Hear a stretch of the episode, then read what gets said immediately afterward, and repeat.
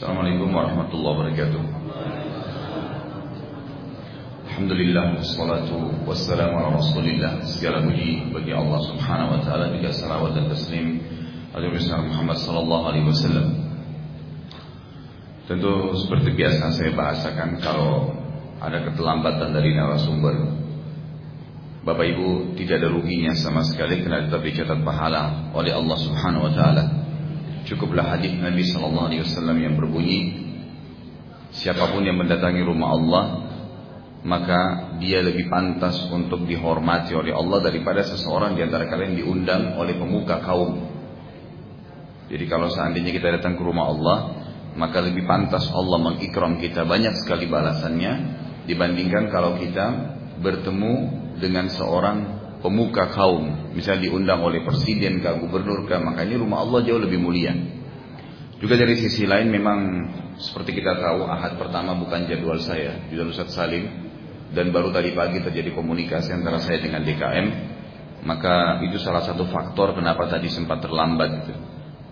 Baik, kita lanjutkan materi sirah dan kita sudah sampai terakhir di kisah tentang Surakah ibn Malik yang berusaha untuk mengejar Nabi Muhammad sallallahu alaihi wasallam pada saat akan hijrah ke Madinah.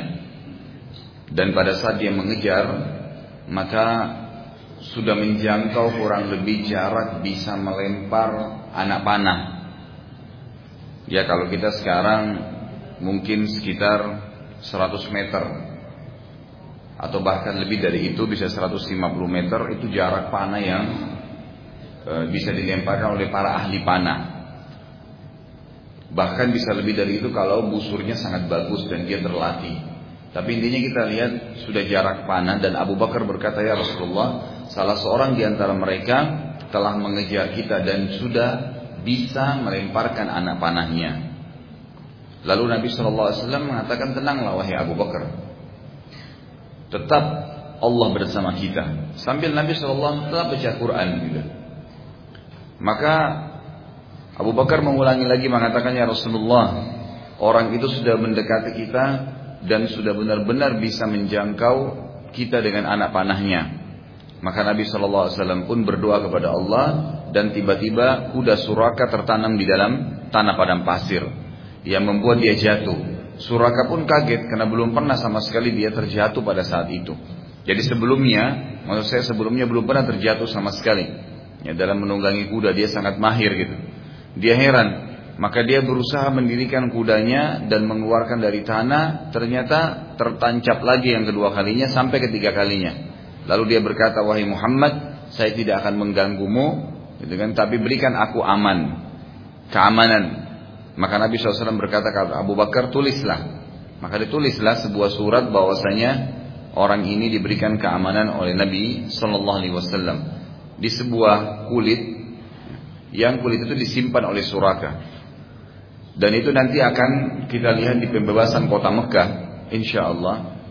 Itu uh, Suraka sempat tertawan dalam dengan pas itu di dalam pasukan Muslimin dan ternyata dia mengeluarkan surat yang dia pegang dari Nabi Shallallahu Wasallam pada saat itu. Dan dia mengatakan, saya punya surat dari Nabi kalian yang memberikan saya keamanan. Waktu dilihatkan kepada Nabi SAW, Nabi pun mengatakan benar dibebaskan dari dari ya, tawanan perang waktu terjadi pembebasan kota Mekah. Setelah itu tentunya Suraka masuk Islam. Ya. Suraka masuk Islam. Tinggal khilaf di, di, di antara ahli sejarah apakah dia masuk Islam sebelum meninggal Nabi Shallallahu Alaihi Wasallam atau malah setelah meninggalnya Nabi Shallallahu Alaihi Wasallam. Jadi masih selisih kalau yang mengatakan dia meninggal ya sebelum meninggal dia masuk Islam sebelum meninggalnya Nabi SAW dikatakan dia kalangan sahabat karena dia pernah melihat Nabi Wasallam gitu kan. Tapi umumnya banyak orang mengatakan dia masuk dalam kategori ya, tabi'in.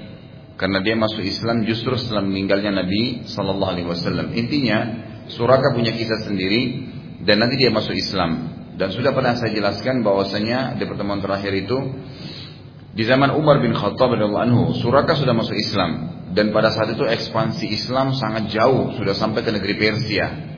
Waktu Suraka menerima surat jaminan dari Nabi SAW, Nabi SAW sempat berkata, wahai Suraka, bagaimana perasaanmu bila di kedua tanganmu ada gelangnya Raja Kisra?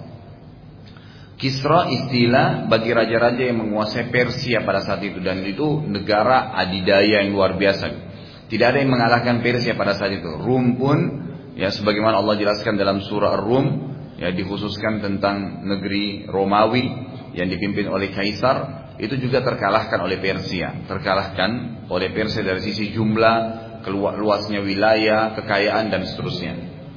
Baik, Waktu itu Nabi SAW berkata, Wahai Suraka, bagaimana kalau di kedua telapak tanganmu, dua pergelangan tanganmu ada gelangnya kisro. Artinya kau akan pakai gelang dia karena kisro, ter, terkalahkan. Maka sempat Suraka berkata, apakah yang anda maksud adalah ya, Anusinwan? Artinya Kisro Anusinwan, nama raja pada saat itu, pada saat Nabi SAW masih hidup. Dia Nabi SAW mengatakan iya. Di zaman Umar bin Khattab, setelah Nabi SAW meninggal, zaman khilafah ternyata kerajaan Persia memang runtuh di tangan kaum muslimin. Dan memang itu di eh, dengan izin Allah di kekuasaan Umar. Maka salah satu yang dikirim ke Madinah dari ghanimah harta rampasan perang untuk muslimin dari Persia adalah gelangnya Kisra. Gelangnya Kisra. Waktu dikirim ke Madinah, Umar pun melihat gelang tersebut lalu mengingat sabda Nabi Shallallahu Alaihi Wasallam kepada Suraka sebelum Suraka masuk Islam masih di Mekah bahwasanya wahai Suraka bagaimana perasaanmu dan sementara di kedua tanganmu ada gelangnya Kisra. Maka yang terjadi Umar berkata panggilkan untuk saya Suraka. Suraka pun datang lalu kata Nabi kata Umar radhiyallahu anhu wahai Suraka, ini dua gelangnya Kisra dan pakailah serta kelilinglah kota Madinah sambil menyampaikan apa yang telah Rasulullah SAW sampaikan kepadamu. Suraka pun mengambil dua gelang tersebut lalu meletakkan di kedua pergelangannya Kemudian dia sambil jalan sambil tersenyum dan berkata, Rasulullah SAW telah bersabda kepada saya sebelum ya hijrah atau sebelum saya masuk Islam pada saat beliau akan hijrah, wahai Suraka bagaimana perasaanmu pada saat di dua pergelangan tanganmu ada gelangnya Kisra. Maka terus di keliling Madinah ya sambil mengucapkan sabda Nabi Shallallahu Alaihi Wasallam. Jadi ini kurang lebih review akhir bahasan kita yang lalu. Sekarang kita akan masuk di kisah Ummu Ma'bad. Waktu Nabi Shallallahu Alaihi Wasallam hijrah ke Madinah dan sudah lolos orang-orang Mekah nggak bisa lagi mengejar beliau Shallallahu Alaihi Wasallam, maka beliau punya kisah di perjalanan pada saat mendekati kota Madinah. Beliau melewati sebuah kema yang merupakan ya yang kema itu dimiliki oleh seorang wanita Badui yang bernama Ummu Ba'bad. Ummu Ba'bad ini umumnya seperti wanita Badui dengan suaminya tinggal di kemah, mereka tidak punya rumah, dan setiap hari cuma gembala kambing kerjanya. Jadi mereka hidup dari daging kambing itu, mereka juga memerah susunya minum, itu saja hidupnya, gitu kan? Mereka kalau e, butuh sesuatu tambahan maka mereka berburu ya, di padang pasir dengan hewan-hewan padang pasir yang ada. Intinya begitu hidupnya. Abu Bakar anhu ya, pada saat menemani Nabi SAW dan sampai di kemah Ummu Ma'bad sempat menegur Ummu Ma'bad dan berkata, wahai ibu, apakah anda memiliki makanan? Maka Ummu Ma'bad berkata, bila kami memilikinya, bila kami memiliki makanan, maka kalian tidak perlu bertanya, pasti kami akan hidangkan. Statement ini ada sebuah pelajaran besar, bahwasanya tradisi orang-orang Badui dan sampai hari ini masih berlaku, tradisi orang-orang Arab asli di padang pasir, mereka sangat senang dengan tamu. Tentu terlepas daripada itu tradisi mereka, juga dalam Islam sangat dianjurkan kita untuk fokus memberikan makan kepada orang, siapa pun dia. Tentu lebih baik lagi kalau orang itu bertakwa. Tapi umumnya memberikan makan orang adalah pahala yang sangat besar. Ya sampai disebutkan Nabi Ibrahim alaihissalam tidak pernah makan sendirian. Setiap kali dihidangkan makan, pintu rumahnya dibuka, siapa saja lewat dipanggil untuk makan. Ya, kan? Dan itu sebuah tradisi yang sangat luar biasa. Ya, beliau tidak pernah makan sendirian. Kadang-kadang subhanallah bapak-bapak terutama ya, Mungkin karena merasa dia sudah kerjanya bagus, penghasilannya bagus, duduk di meja makan, istrinya pun kadang-kadang nggak boleh duduk di sebelahnya. Mungkin anak-anaknya nggak boleh duduk bersama-sama dengan dia. Kenapa? Bukankah keluarga itu adalah satu hal yang sangat mahal dari Allah Subhanahu Wa Taala, gitu kan? Mestinya duduk bersama kita. Ini orang lain pun dipanggil makan. Begitu pula dengan para ulama-ulama kita. Dinukil kepada yang saya dapatkan dari salah satu murid dari Syekh Alban, eh, Syekh eh, Bimbas rahimahullah Salah satu perilaku beliau yang sangat luar biasa, itu beliau sangat gemar memberikan makan orang. Jadi di rumah beliau di samping rumahnya itu dibuatkan sebuah ruangan dipasangin AC setiap hari siang dan malam itu dibuat buka sufra plastik yang disiapkan untuk 600 orang makan. Setiap hari siang dan malam gitu rutin. Jadi orang-orang yang nyapu jalanan, tukang sampah, pokoknya udah tahu di sini rumah ini makan gratis gitu. 600 orang siang, 600 orang malam, jadi 1200 orang sehari. Dari mana uangnya? Ya itu oh Allah SWT mudahkan. Mungkin kalau anda bilang saya nggak mampu, mulai aja dulu coba memberikan makan orang. Pernah nggak kita jadwalin gitu? Beli nasi padang satu, satu bungkus lagi dia buat. Mungkin saya ketemu fakir miskin jalanan saya kasih. Itu satu positif, satu hal yang positif gitu kan? Sehingga memang kita akan bisa mendapatkan. Jadi cara untuk menambah rezeki ya atau mempertahankannya adalah dengan bersedekah di antaranya dan minimal kita bersedekah kalau mau bertahan atau menambahnya dengan sepertiga daripada rezeki yang sedang kita dapatkan gitu kan? Makanya dalam hadis Bukhari dijelaskan bahwasanya ada dua orang dari Bani Israel dulu. Dua-dua ini bersahabat kemudian mereka punya kebun bersebelahan. Kebetulan waktu itu musim panas peceklik kering. Mereka butuh hujan. Salah satu dari dua sahabat ini Tiba-tiba melihat ada awan lewat di atas kebunnya, lalu terdengar suara dari awan itu, turunkanlah hujan kepada si fulan. Kebetulan yang disebutkan di awan itu adalah suaranya atau namanya temannya dia, tetangga dia di sebelah kebunnya. Maka dia pun mengikuti awan tersebut, lalu tiba-tiba saja awan berhenti di atas kebun temannya dan turun hujan lebat di situ. Dia pun bertanya kepada temannya, apa yang kamu lakukan dengan kebunmu? Sementara kebunku tidak kena hujan, hanya kebun dia saja. Kebun yang lain tidak ada yang kena, cuma kebun orang itu. Apa yang kamu lakukan? Sampai-sampai saya, tadi saya mendengar ada suara di awan yang mengatakan turunkanlah hujan untuk kebunnya si fulan, disebut namanya gitu. Apa jawaban dia? Saya selalu, kata yang punya kebun ini, saya selalu mengeluarkan dari hasil keuntungan saya, itu saya bagi tiga. Sepertiganya langsung saya sodakahkan di jalan Allah. Punya 100 ribu, 35 ribu sudah untuk Allah, selesai. Satu juta tiga ratus lima puluh ribu dikeluarin udah.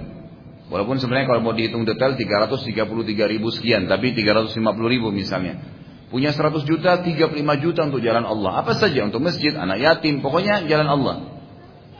Sepertiganya lagi saya kembalikan untuk tambahan modal usaha saya. Sepertiganya lagi saya gunakan untuk kebutuhan keluarga saya. Dari sini kita bisa lihat kata ulama dengan dia berinfak sepertiga gitu kan? Dari apa yang dia miliki atau dari keuntungan yang didapatkan atau hasil dia maka dia akan diberikan oleh Allah SWT berkah. Sementara hujan tidak turun dia masih bisa dapat hujan. Saya ipar saya juga ada di daerah Maluku di Ternate. Saya pernah kunjungin satu waktu mungkin saya pernah ceritakan kisah ini Allah alam saya lupa. Tapi saya ingatkan kembali gitu kan saya pernah kunjung di sana waktu itu ada ceramah di daerah Ternate, kemudian malam saya pulang dari masjid mungkin jam 11 malam, ngobrol-ngobrol dengan dia sampai hampir setengah 12 jam 12 malam. Tiba-tiba saja ada suara seng dia di belakang yang sangat ribut, gitu kan, suara seperti batu yang jatuh. Lalu saya kaget, dia bilang enggak, itu mangga saya jatuh. Di belakang pun ada pohon mangganya gitu. Oh, terus saya bilang, oh, saya bilang, oh iya, dia bilang iya mangga. Mau coba Ustaz? Boleh, nggak apa-apa dipotongin diambil. Ini mangga madu dia bilang. Dalamnya ada madu. Kalau kita di sini kan mana lagi ya. Jadi di sana itu orang bilang mangga madu. Baik dipotong lah, memang manis sekali gitu. Lalu sampailah ngobrol kita ke masalah mangga ini. Dia bilang ini mangga Ustaz, pohonnya sepanjang tahun berbuah. Saya waktu pagi-pagi memang saya lihat buahnya itu pohonnya kecil, nggak besar, mungkin tingginya ya mungkin 3 meter seperti atap inilah, tapi rindang sekali dan buahnya itu sampai sampai ke bawah-bawah gitu. Tergelantungan di bawah. Saya lihat Masya Allah. Ternyata pohon itu setengahnya eh, daun-daunnya itu masuk ke rumah dia, buah-buahnya dan setengah lagi di jalanan, di sebelah tembok rumah itu jalanan. Terus saya tanya, Kok bisa berbuah sepanjang tahun? Antum kasih apa? Dia bilang, saya tidak pernah kasih apa-apa. Nggak pernah saya urus, nggak pernah kasih pupuk, nggak pernah apa gitu. Tumbuh sendiri. Cuman saya tidak pernah larang orang untuk ngambil. Nggak pernah.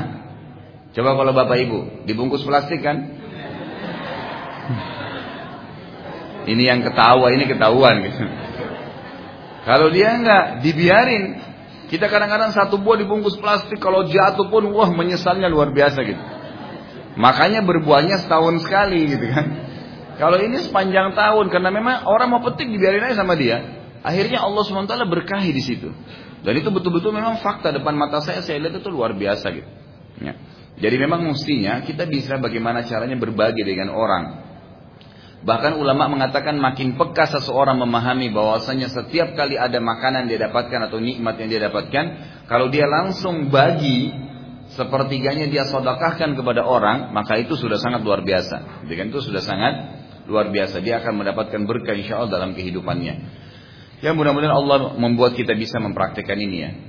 Jadi Ummu Ma'bad ini adalah manusia Badui. Pada saat Abu Bakar masuk mengatakan radhiyallahu anhu, apakah ada makanan kalian? Jawabannya adalah kalau kami punya makanan nggak usah tanya. Jadi tradisi orang-orang Badui itu dan ini tradisi yang sebenarnya yang diajarkan dalam Islam ya. Mereka tidak tunggu orang minta.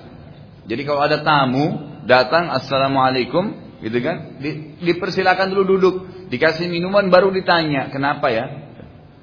Bukan kita dari depan pagar sudah tanya ada apa, gitu kan. Takut kalau orang minta-minta. Emang kalau minta-minta kenapa gitu? Enggak, kita sudah ketakutan dengan tamu. Ternyata pada saat dia tahu orang itu memberitakan bahwasanya dia dapat warisan dari kampungnya langsung baru disambut dengan baik gitu. Mestinya kan tidak gitu. Jadi berusaha untuk bersangka baik itu positif. Kalau memang orang datang minta-minta, kita berikan yang kita mampu gitu kan. Kalau kita nggak punya, rasakan tidak punya. Tapi memberikan orang menghormati tamu adalah sebuah perintah. Makanya sabda Nabi SAW dalam hadis Bukhari Muslim, "Man kana yu'minu billahi wal yawmil akhir falyukrim dhaifah." Siapa yang mengaku beriman kepada Allah hari akhir maka dia sebaiknya menghormati tamunya. Menghormati tamu itu mengajak ngobrol, mempersilahkan masuk, bersilahkan masuk, menawarkan minuman dan makan, kemudian nanya hajatnya apa. Begitu retorika diajarkan dalam Islam. Baik.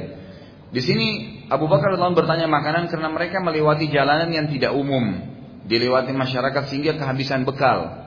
Kan sudah kita bahas waktu pertama hijrah kan? Jadi jalur yang Nabi SAW dan Abu Bakar tempuh itu bukan jalur yang umumnya orang lewat. Biasanya kalau yang umum orang lewat itu banyak masyarakat mukim-mukim ya, jadi yang mungkin jual makanan, ya mungkin umumnya orang apa bisa diminta makanan kalau kehabisan gitu kan. Ini umumnya ini bukan jalan umum, jalan lewat padang pasir, jadi nggak umum. Makanya Abu Bakar minta karena kehabisan bekal makanan. Umum Ma'bad berkata, bila kami memiliki sesuatu ini dikarenakan karena miskinnya Umum Ma'bad gitu kan dan menandakan juga karam kemuliaan mereka dalam menghormati tamu itu sendiri. Ada sebuah kejadian pada saat itu, Nabi Shallallahu Alaihi Wasallam lalu melihat seekor kambing betina yang kurus bersama Ummu. Karena waktu terjadi dialog antara Abu Bakar dengan Ummu Ma'bad, Nabi SAW ada di situ.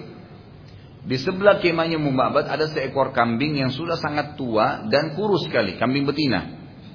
Maka beliau Shallallahu Alaihi Wasallam bertanya, apakah kambing ini milik anda? Ditanya Ummu Ma'bad. Kata Mbak iya. Tetapi dia sangat kurus, tidak memiliki susu. Kalaupun mau disembeli dagingnya nggak ada sedikit dan ini terakhir hartanya gitu kan. Maka Nabi SAW tiba-tiba memegang kambing tersebut dan memerah susunya dan ternyata dengan izin Allah tiba-tiba saja susunya keluar dengan deras, gitu kan. Jadi dengan Nabi SAW yang ya memerah susunya maka tiba-tiba saja susu kambing tersebut keluar dengan deras dan umum Ma'bad sempat terheran-heran gitu. Nanti akan kita titik beratkan hadis yang paling kuat, ya, yang paling kuat, yaitu riwayat yang paling dikuatkan oleh para ulama berhubungan dengan masalah was. Was itu menyampaikan tentang e, ciri fisik Nabi Shallallahu Alaihi Wasallam, akhlak Nabi SAW, itu kata ulama tidak ada yang mengalahkan umum Ma'bad. Jadi nanti dia akan memberikan atau menjelaskan kepada kita tentang ciri Nabi Muhammad Sallallahu Alaihi Wasallam. Nabi SAW lalu meminum susu yang ada, ditaruh di nampan, kemudian diminum, kemudian diberikan kepada Abu Bakar pun minum dan Ummu Ma'bad pun minum. Mereka bertiga minum sampai kenyang. Ya. Dan Nabi SAW habis satu nampan diperah lagi oleh Nabi yang perah SAW sehingga berkah dan keluarlah ya susu tersebut. Dan Nabi SAW juga memenuhkan semua piring-piring, semua kantong-kantong, ember, apa saja kendi-kendi punya Muhammad semua dengan susu perahan beliau wasallam. Lalu Nabi wasallam pun pulang, jalan, pergi dengan Abu Bakar. Udah selesai jalan. Umum Ma'bad tidak kenal siapa orang ini gitu. Nggak tahu kalau Nabi SAW juga tidak jelaskan tentang siapa beliau Abu Bakar juga tidak jelaskan karena ini perjalanan gitu kan.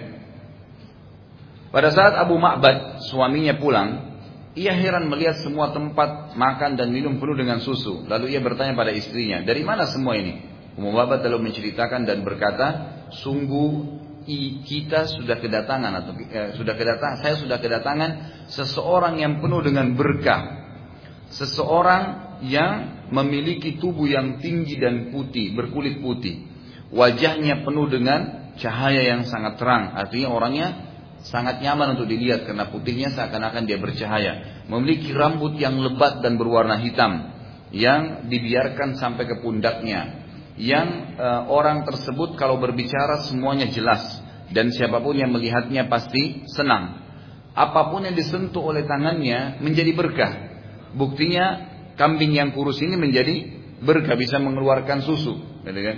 Dan saya sangat yakin orang itu memiliki sebuah kedudukan yang sangat tinggi, gitu kan? Jadi ini penyampaian daripada Ummu Ba'bad.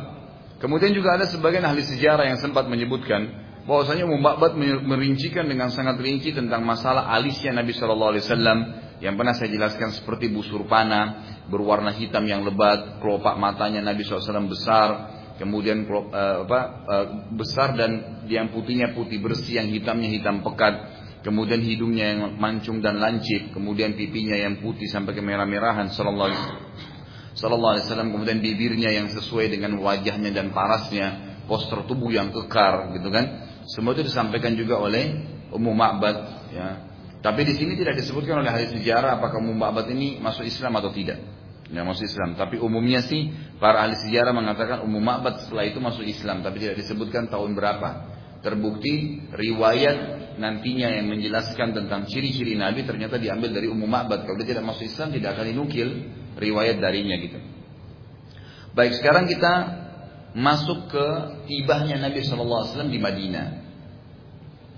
Jadi kisah tiba Nabi SAW di Madinah dan keputusan penting yang diambil Nabi SAW begitu tiba di Madinah.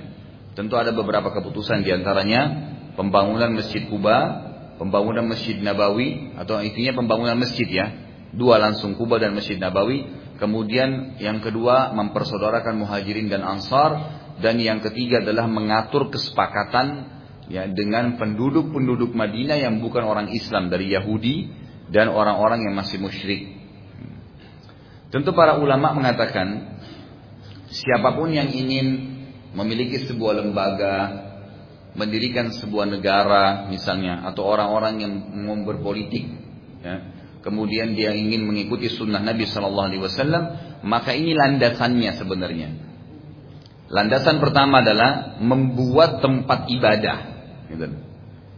Jadi kalau punya perusahaan ada musola, ada masjid, di mana orang-orang Islam bisa berkumpul di situ, bisa ibadah, gitu kan? Nabi Shallallahu Alaihi Wasallam mencontohkan itu begitu tiba di Madinah yang paling pertama bangun masjid Kuba, walaupun sederhana. Intinya boleh sholat. Jangan sampai pegawai kita mau sholat nggak bisa, mau sholat di mana masjidnya jauh. Ada kadang-kadang sampai ketinggalan Jumat, gitu kan? Karena mereka tidak punya tempat. Kenapa kita nggak bangun, berikan sedikit space di tanah itu ya ukuran mungkin berapa kali berapa yang penting bisa digunakan untuk sholat. Dan Nabi SAW memberikan itu. Selain daripada memudahkan mereka beribadah juga menjadi simbol keislaman. Bahwasanya ini perusahaan Islam ini sekolah Islam gitu kan? Karena diikuti dengan masjid dulu. Kemudian yang kedua adalah mempersaudarakan muhajirin dan ansar. Di sini mempersaudarakan antara pegawai gitu kan? Atau kita mempersaudarakan antara penduduk asli dengan pendatang karena Nabi SAW bersaudarakan antara muhajirin dan ansar artinya diperkenalkan lebih dekat. Sampai Nabi SAW mengajarkan kita dengar bagaimana menunjuk si fulan, kamu saudaranya si fulan. Semua muslim saudara ya. Tapi ini menjadikannya sebagai sahabat dekat. Ya, sahabat dekat. Jadi memang tempat dia tiap hari ketemu, ngobrol, curhat dan seterusnya itu dianjurkan dalam agama Islam. Tentu kita memilih orang-orang yang ibadahnya bagus sebagaimana nanti akan kita titik beratkan. Intinya mempersaudarakan antara orang pendatang dengan orang asli. Dan perlu juga saya titik beratkan saudaraku ini harus ditanamkan baik-baik. Dalam Islam tidak ada ras. Apa itu ras? Fanatisme keturunan. Oh, saya orang asli Indonesia. Ini keturunan, berarti lain. Oh, saya kalau di Saudi saya turunan Arab. Ini pendatang orang Indonesia. Atau kita lagi di Eropa, Lalu mereka mengatakan misalnya saya orang barat, ini pendatang semuanya. Atau di Afrika dan seterusnya. Tidak boleh ada seperti itu. Kenapa? Karena semua ini adalah buminya Allah. Kebetulan memang Allah membuat variasi itu. Ada suku Melayu, ada suku Arab, ada suku, ada orang bule, orang Barat, ada orang Afrika kulit hitam. Itu memang begitu Allah buat. Tapi semuanya adalah bumi Allah Subhanahu Wa Taala. Bukan berarti kita pemiliknya, enggak. Makanya dalam Islam itu Nabi SAW sangat menanamkan poin itu. Pernah ada sahabat kalau masih ingat riwayat bercanda aja bercanda. Jadi waktu Nabi SAW keluar dari masjid, ada orang-orang Ansar mengatakan begini, Ansar siapa penduduk asli Madinah. Bercanda, mereka ada satu orang bilang, Ayo sini yuk kita kumpul-kumpul orang Ansar. Muhajirin nggak boleh ikut-ikut ya. Bercanda saja. Sambil ketawa-ketawa gitu. Ya mungkin kalau kita sini orang-orang Jawa di sini ya, orang Sulawesi di sana ya. Gitu. Misal fanatis muncul, tapi cuma bercanda mungkin ya, cuma diundang khusus ini, khusus itu. Terus orang-orang muhajirin juga katakan yang sama. Ada satu orang bilang, ayo orang muhajirin di sini yuk kita kumpul-kumpul, ansar nggak boleh ikut-ikut ya, gitu. Waktu Nabi SAW keluar, wajah beliau memerah dan beliau mengatakan, Da'ha fa innaha mumtina. Jauhkan dari kalian, tinggalkan jauh-jauh itu karena itu adalah perusak, penghancur kalian. Kapan kita sudah mengatakan, saya orang ini, saya orang ini, maka hilang namanya agamanya. Tapi selama syahadat, coba perhatikan kita kalau di saf salat. Mau warnanya kulitnya hitam, mau turunan Arab, mau turunan Melayu, mau turunan Afrika, mau bule, sama saja, nggak boleh pindah, nggak boleh dipindahin, haknya dia. Di sebelahnya presiden, yang sebelahnya tukang sampah tetap harus sama di dalam staff. Itu Islam. Dan ini kalau kita bisa tanamkan sebagai prinsip hidup, kita akan merasa aman selalu hidup di mana pun, gitu kan?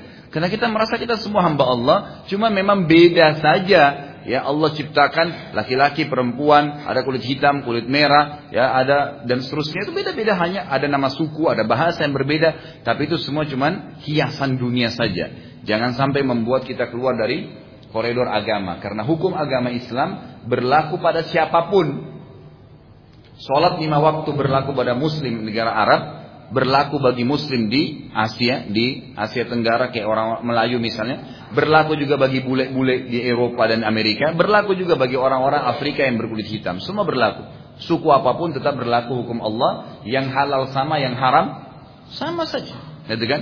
Perintahnya sama, maka harus diperhatikan poin ini sehingga tidak ada fanatisme. Makanya mempersaudarakan sangat penting.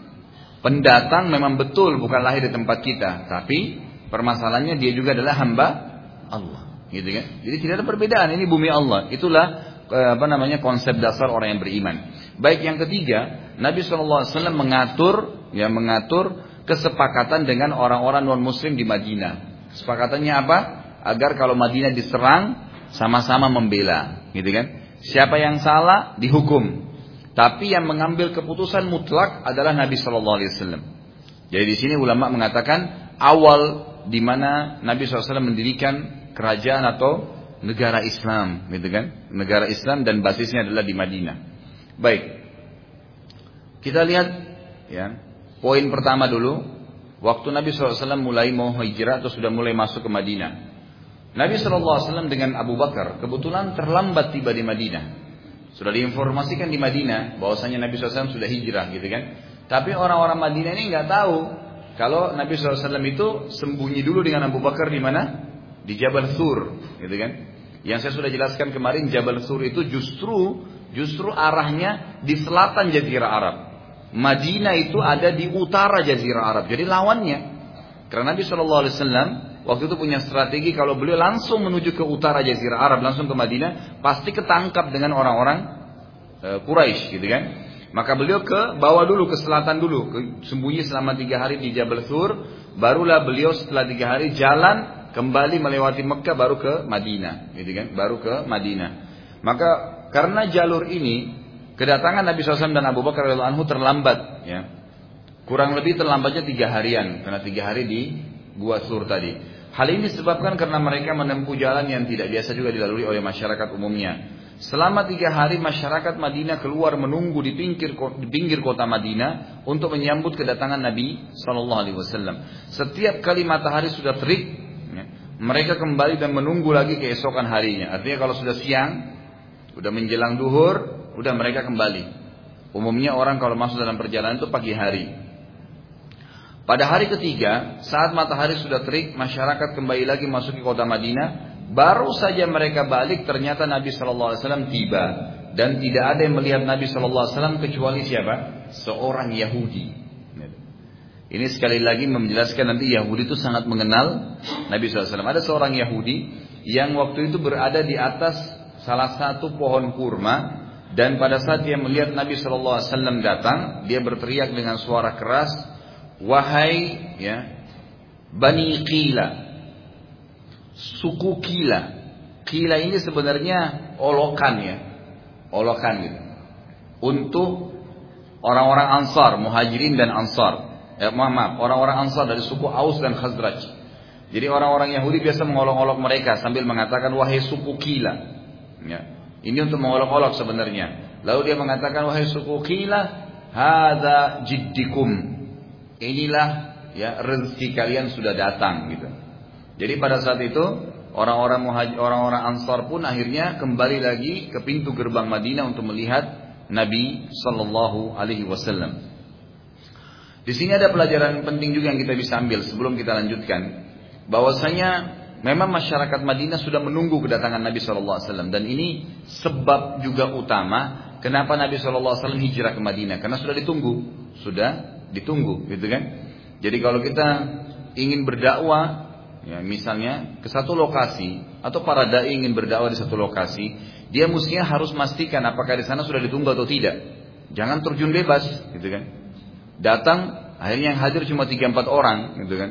Lebih baik banyak yang hadir, sudah ditunggu, dinantikan memang ingin didengarkan ceramahnya, sehingga memang efektif dakwah yang disampaikan.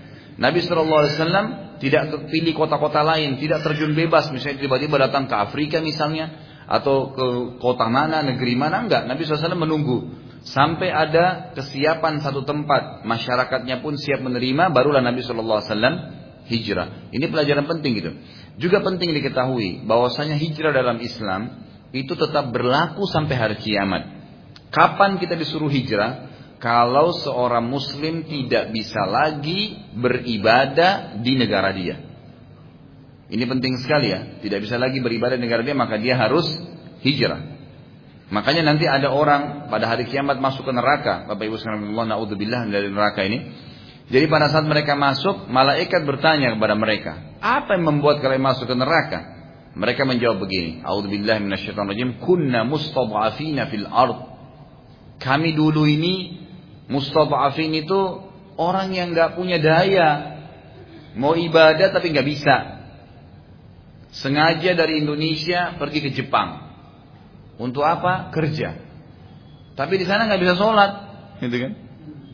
Cari masjid susah, makannya cari halal susah, cuacanya udaranya beda gitu kan. Sengaja ke sana, salah. Justru mesti dia bertahan di Indonesia, gitu kan. Kenapa dia harus ke sana? Sampai saya sering bahasakan kepada teman-teman yang minta nasihat sama saya, kalau bukan karena ke Madinah dan Mekah nggak usah berangkat ke luar negeri. Gitu kan. Oh mungkin untuk kepentingan Ustaz, untuk untuk bekerja, untuk studi. Emangnya saya tanya, kalau kerja nggak bisa di Indonesia? Kalau studi nggak bisa di Indonesia, bisa. Biasanya kita keluar negeri itu karena alasannya hanya karena keren, hanya karena gengsi, kan gitu. Ada salah satu orang yang pernah kerja dengan saya bilang begini, Ustaz, saya mau ke Australia.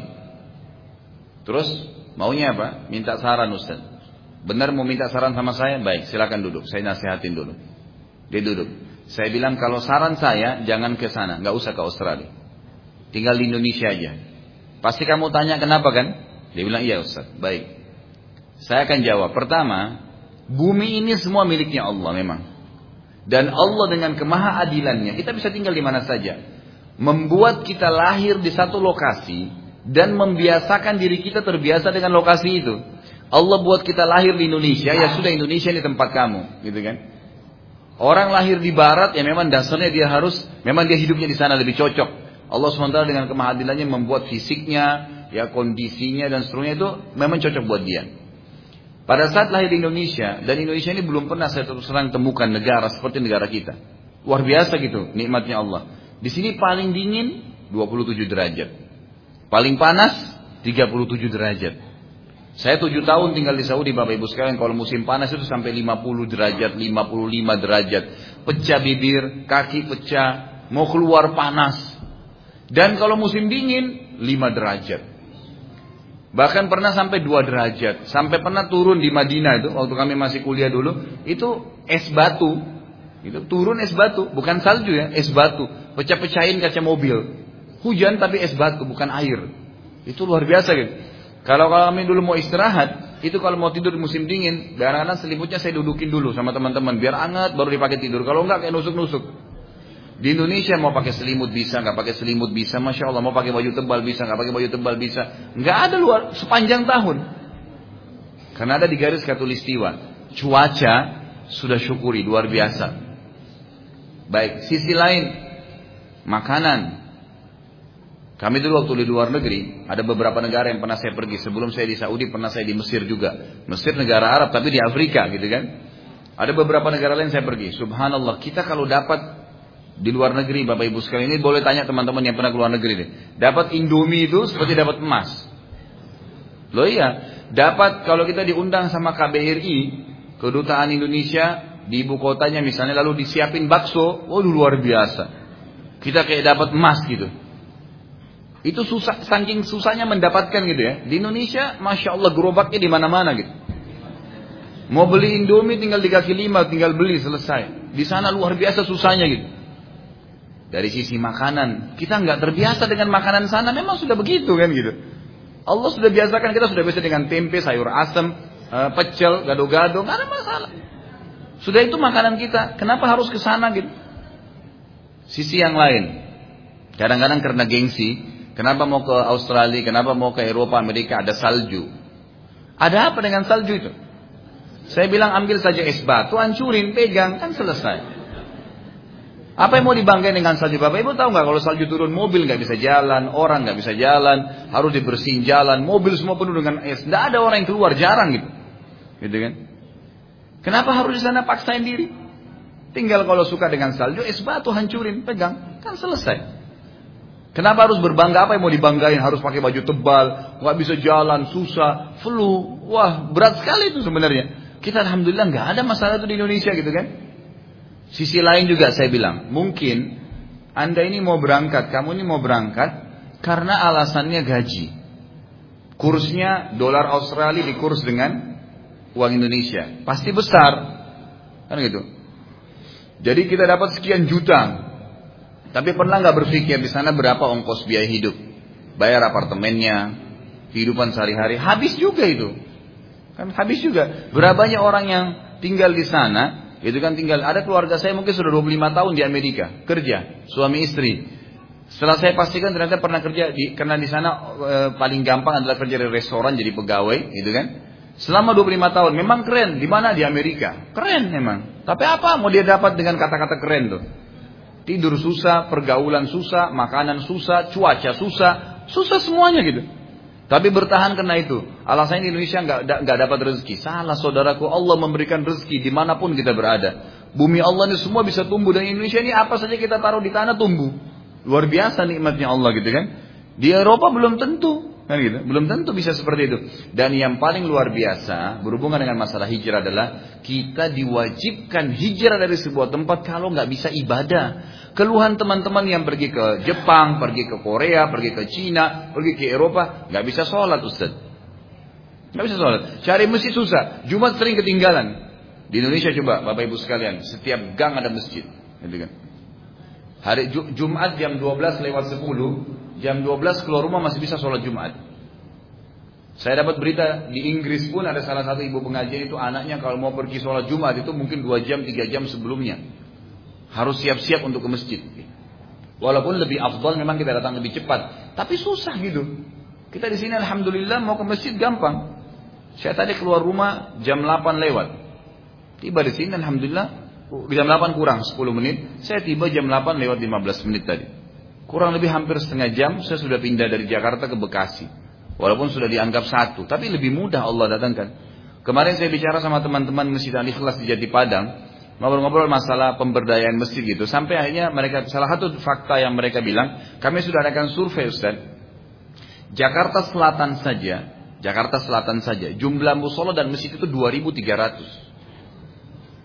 Musola sama masjid jumlahnya 2300. Itu belum Jakarta Timur, belum Jakarta Barat, belum Jakarta Utara, belum Jakarta Pusat. Baru Jakarta, belum Bekasi, Barat, belum Bekasi Timur, belum Depok, belum belum belum semuanya. Itu kalau Jakarta saja kalau kita akumulasikan dengan e, lima wilayah gitu kan, lima wali kota, itu kali dua ribu, sepuluh ribu masjid gitu kan. Sampai saya bilang sama mereka, sama pengurus masjid, saya kadang-kadang sering diskusi. Saya bilang, ini sebenarnya masjid ini, Bapak Ibu sekalian, seperti panel-panel listrik yang tinggal dinyalain. Ini kalau dinyalain ini, luar biasa ini. Sampai para pasu dan pendeta itu kadang-kadang menyampaikan kepada jemaahnya, kalau yang misionaris ya, memang bukan jemaah umumnya gitu. Ya memang tujuannya untuk menyebarkan agama mereka gitu. Dia bilang, ya, semua apa yang umat Islam kerjakan di jalan kita masih bisa ubah. Masih bisa diubah. Pakaiannya masih bisa ngikutin kita, pergaulannya masih bisa. Kayak sekarang kita lihat makanan bisa ikut sama kita. Tapi yang tidak bisa kita ubah kalau mereka sedang kumpul di masjid. Nggak tahu apa yang diomongin. Gitu kan. Ini basisnya. Makanya Nabi SAW membangun masjid itu bukan hal yang ringan. Itu luar biasa. Pengajian di masjid itu tidak semua orang bisa tahu apa yang diomongin. Ini sudah dikedap suara. Di luar nggak tahu apa yang kita omongin gitu kan. Bukan kita tidak bukan ngomongin hal-hal yang salah. Tapi agama kita akhirnya bisa kuat dengan cara itu. Nah ini kalau orang mau sholat aja nggak bisa gimana caranya? Dan itu tidak ada uzur ya, nggak ada uzur. Bukankah pada saat anda kerja di Indonesia juga Allah akan berikan rezeki? Tempat nggak berpengaruh. Nah gitu. Ini poin-poin penting. Berhubungan dengan masalah hijrah, maka penting sekali, gitu kan? Mestinya kita justru datang ke negara yang mayoritas Muslim, gitu kan? Indonesia alhamdulillah sudah mayoritas Muslim, pemimpinnya Islam, gitu kan? Dan bisa kerja apa saja kok. Bapak Ibu tahu nggak bahwasanya rezeki itu Allah datangkan bahkan kadang-kadang dari hal-hal yang kita anggap remeh. Kalau Bapak Ibu nggak keluar kotoran dari badannya dan itu jadi uang, gitu kan? Nggak ada dokter PHT. Gitu. Itu kan mengurus kotoran hidungnya kita, kuping, tenggorokan. Kalau Bapak Ibu nggak keringatan, badannya nggak keluar daki, nggak laku sampo sama sabun, kan gitu. Jadi duit Kotoran kupingnya ada cotton bud dijual. Dan seterusnya. Banyak sekali contoh-contoh gitu kan. Obat-obat pembersih WC, azakumullah. Itu kenapa muncul? Karena ada kotoran manusia. Pupuk bisa dipakai untuk tanam tumbuh-tumbuhan juga dari kotoran manusia.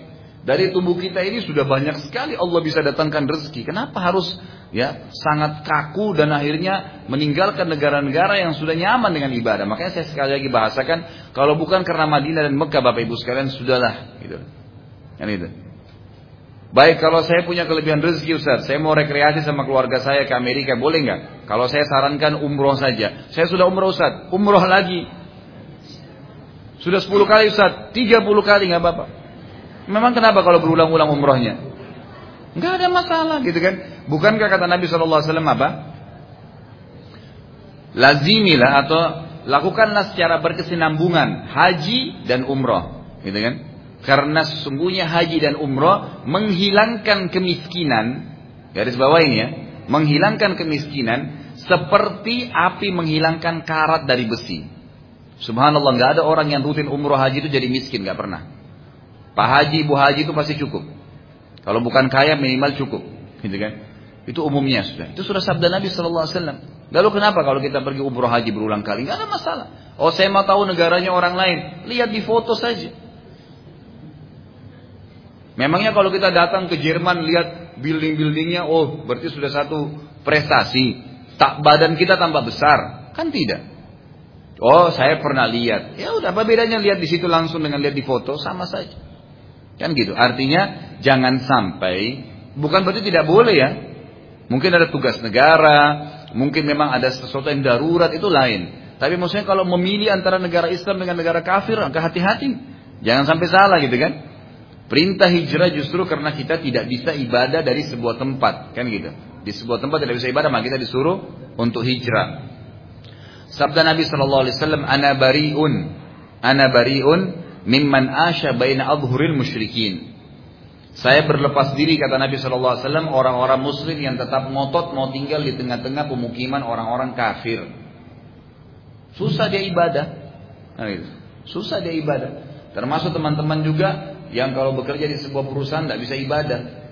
Muslimah disuruh buka jilbabnya. Laki-laki kalau mau sholat nggak boleh. Saya sampai tanya tuh orang yang bilang Ustaz saya mau sholat aja nggak boleh. Saya tanya kalau kamar mandi boleh nggak? Boleh. Kan. Baik, ke kamar mandi saja. Kan dia itu bisa dipakai 10-15 menit, bisa Ustaz. Baik ke kamar mandi, memang betul selesaikan hajatnya, udah Anda sholat. Sholat itu 5 menit kok. Enggak lama sholat itu. Kalau memang perusahaan tidak ada masjid, maka ini ini kalau keadaannya begitu ya. Taruh sejadah, sholat hadap kiblat. Mau lebih aman, pindah tempat kerja. Minta kepada Allah dalam sujud sepertiga malam Allah turun ke langit bumi kok. Memberikan kesempatan untuk orang yang punya hajat kan gitu. Baik, ini pelajaran-pelajaran yang kita bisa ambil dari masalah hijrah Nabi Shallallahu Alaihi Wasallam. Baik, di antaranya adalah kita sampai lanjut lagi. Sebelum Nabi SAW tiba di Madinah, Musab ibn Umar radhiallahu anhu, sahabat Nabi yang menjadi dai Nabi Muhammad SAW di Madinah yang diutus sebelumnya ya, Sebelum kedatangan Nabi SAW ke Madinah, telah sibuk memotivasi masyarakat Madinah agar menyambut kedatangan Nabi SAW dengan meriah, karena beliau SAW datang bukan hanya sebagai seorang Rasul, tapi juga akan memimpin Madinah dan menerapkan peraturan-peraturan. Ya. Aus dan Khazraj pun balik, ya, pada saat tadi orang Yahudi teriak, ya eh, wahai suku Kila, ini rezeki kalian sudah datang, gitu kan? Bagian kalian sudah datang. Mereka pun kembali dan akhirnya menyambut Nabi SAW dengan meriah dan mereka semua melantunkan syair yang masyhur. Tal'al badru alaina min saniyatil wada, gitu kan?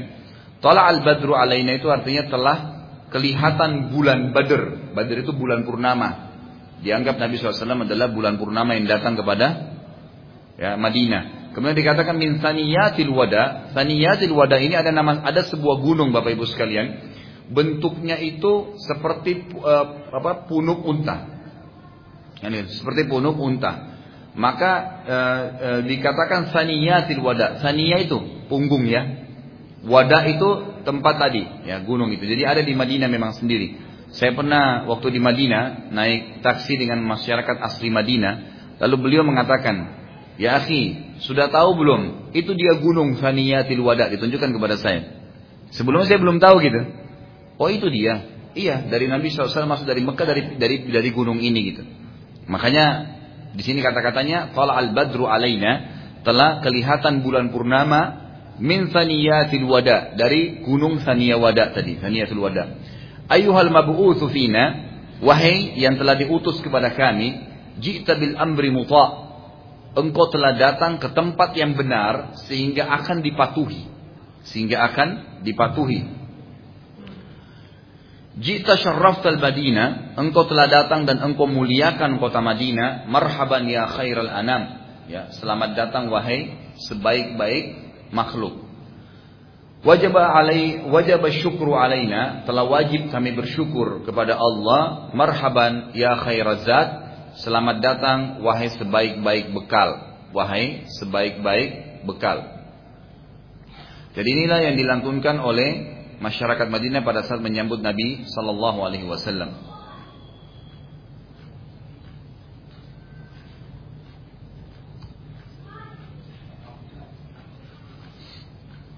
Tentu kalimat-kalimat syair ini dilantunkan oleh masyarakat Madinah hampir seluruh ulama sepakat mengatakan karena disambutnya Nabi Shallallahu Alaihi Wasallam dan ini memang dikhususkan untuk Nabi Shallallahu Alaihi Wasallam. Terbukti dari kalimat-kalimat yang diucapkan. Artinya tidak perlu diucapkan kepada orang lain. Abu Bakar waktu itu tidak disebutkan karena di sini kalimatnya kan ya marhaban ya khairazat ya marhaban ya khairal anam. Itu memang fokus hanya untuk Nabi SAW tidak disebutkan Abu Bakar. Sementara Abu Bakar bersama Nabi SAW bisa saja mereka lantunkan kalimat yang menggabungkan keduanya. Di sini ulama mengatakan berarti kalimat-kalimat syair ini memang dikhususkan untuk Nabi SAW dan semestinya memang tidak digunakan kecuali untuk Nabi SAW karena makna-maknanya memang fokus kepada beliau. Tapi pertanyaan kata para ulama, bolehkah seseorang atau masyarakat menyambut kedatangan seorang alim? Jawabannya boleh, nggak masalah. Tapi jangan sampai berlebihan, gitu kan? Jangan sampai justru menyambut seorang alim dengan berlebihan, misalnya dengan melakukan pelanggaran-pelanggaran syar'i, di antaranya orang nyambut dengan musik-musik, dengan wanita misalnya, yang mungkin kelihatan auratnya, mungkin ya dengan hal-hal yang eh, apa namanya berlebihan seperti misalnya e, e, tabarruk ya. Banyak orang-orang yang mencium-cium tangannya mengambil air bekas udunya meminum air bekas minumnya. Ini semua tidak ada dicontohkan oleh Nabi Shallallahu Alaihi Wasallam gitu kan? Jadi waktu Nabi SAW tiba di Madinah nanti akan kita dengarkan bagaimana perilaku beliau Shallallahu Alaihi Wasallam dan beliau adalah suri tauladan buat kita. Waktu itu Bapak Ibu sekalian rahimahullah, belum masyarakat Madinah mayoritasnya belum tahu wajah Nabi SAW. Mereka belum tahu Nabi SAW bagaimana wajahnya gitu. Dan mereka juga belum mengenal Abu Bakar. Waktu keduanya masuk, mau masuk pintu gerbang Madinah dan mereka lagi nyambut di situ. Abu Bakar dan Nabi SAW kebetulan juga umurnya cuma beda dua tahun dan poster tumbuh tinggi tubuhnya sama, gitu kan? Yang beda hanya Nabi SAW kekar, Abu Bakar agak kurus, gitu kan? Di sini waktu masyarakat Madinah mau sambut, mau menyebutkan ya Rasulullah, Bingung yang mana nih? Mereka belum tahu. Kan gitu. Mereka tahu pada saat kebetulan pada saat itu dengan hikmah Allah Subhanahu wa taala matahari tiba-tiba terik, gitu kan? Lalu Abu Bakar radhiyallahu mengambil pelapa kurma dan menaungi kepala Nabi sallallahu alaihi wasallam. Dengan kejadian itu, maka masyarakat Madinah mengetahui inilah Nabi sallallahu alaihi wasallam. Ya, setelah itu masyarakat Madinah pun nyambut Nabi Shallallahu Alaihi Wasallam dan kita akan masuk sekarang. Begitu Nabi Shallallahu Alaihi Wasallam memasuki pintu gerbang Madinah, maka yang paling pertama beliau lakukan adalah membangun masjid tadi. Dan dimulai dengan Masjid Kuba, kemudian Masjid Nabawi. Ini sangat luar biasa kalau seandainya ada wali kota, gubernur gitu kan. Mereka mencari tanah-tanah yang strategis di kota itu lalu membuat masjid jami yang besar sebagai simbol kota itu misalnya. Kota Bekasi, kota Depok, eh, Jakarta Timur. Itu kan sangat luar biasa sebenarnya. Ya walaupun kita sudah ada Alhamdulillah di Indonesia tidak kurang dengan itu ya. Tapi e, tinggal pemberdayaannya saja. Atau misalnya memang ada tempat-tempat yang strategis yang bagus gitu. Saya pernah ngisi daurah pesantren kilat. Itu untuk dai-dai waktu itu. Di daerah Sulawesi sampai ke Manado gitu. Waktu tiba di Manado itu, begitu kita masuk, itu sudah dari gunungnya kelihatan salib besar gitu. Dan kita melirik ke kanan gereja, kiri gereja, kuburan di sebelah kanan gereja, apa salib, salib, salib gitu. Sampai tempat yang kami akan idikan adakan pesantren kilat itu, itu kebetulan eh, ketua ya eh, lembaga yang mengundang itu dokter dan muslim gitu. Tapi lembaga dia tidak punya tempat untuk mengadakan daurah kecuali tempat itu dan itu sumbangan dari Jepang diterima oleh gereja dan dibangun sebagai lembaga e, pemberdayaan masyarakat gitu kan. Itu salibnya besar sekali gitu. Waktu kami masuk sana saya cuma bisikin aja pengurusnya. Ini salibnya bisa diturunin dulu nggak? Supaya nanti dai-dai yang datang karena dari pelosok, dari Gorontalo pun datang, dari mana-mana datang gitu kan. Supaya mereka tahu ini memang daurah gitu.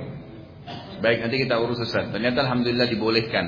Dan setelah diturunkan memang ternyata itu cuma buatan simbol saja dari kayu kemudian ditaruh kertas minyak gitu kan. Cuman karena warnanya merah dan besar kelihatan gitu. Diturunin ya. Dan alhamdulillah untuk diturunin itu tidak ada protes karena memang ternyata mereka letakkan itu pada saat Natal saja gitu. Setelah itu alhamdulillah daurah berjalan, tapi saya lihat simbol luar biasa gitu. Di sana sini ya eh, apa simbol Nasrani itu diangkat padahal sebenarnya Manado itu masih banyak muslim Bahkan di kotanya itu bisa dikatakan mayoritasnya muslim, 60% muslim kalau di kotanya gitu ya. Kalau di pedalamannya mungkin sekitar kota Manado yang banyak. Tapi begitulah simbol yang kelihatan. Dan kesannya orang begitu masuk, oh berarti susah ya gitu. Orang Islam kayak susah gitu ya. Ada pengalaman saya pribadi, setiap kali kami pergi ke Daura itu dari hotel tempat nginap, lewatin kuburan. Semuanya pakai salib-salib besar gitu. Lalu saya bercanda sama teman-teman saya, ada Ustadz Farid, ada Ustadz Nizar gitu sama saya waktu itu.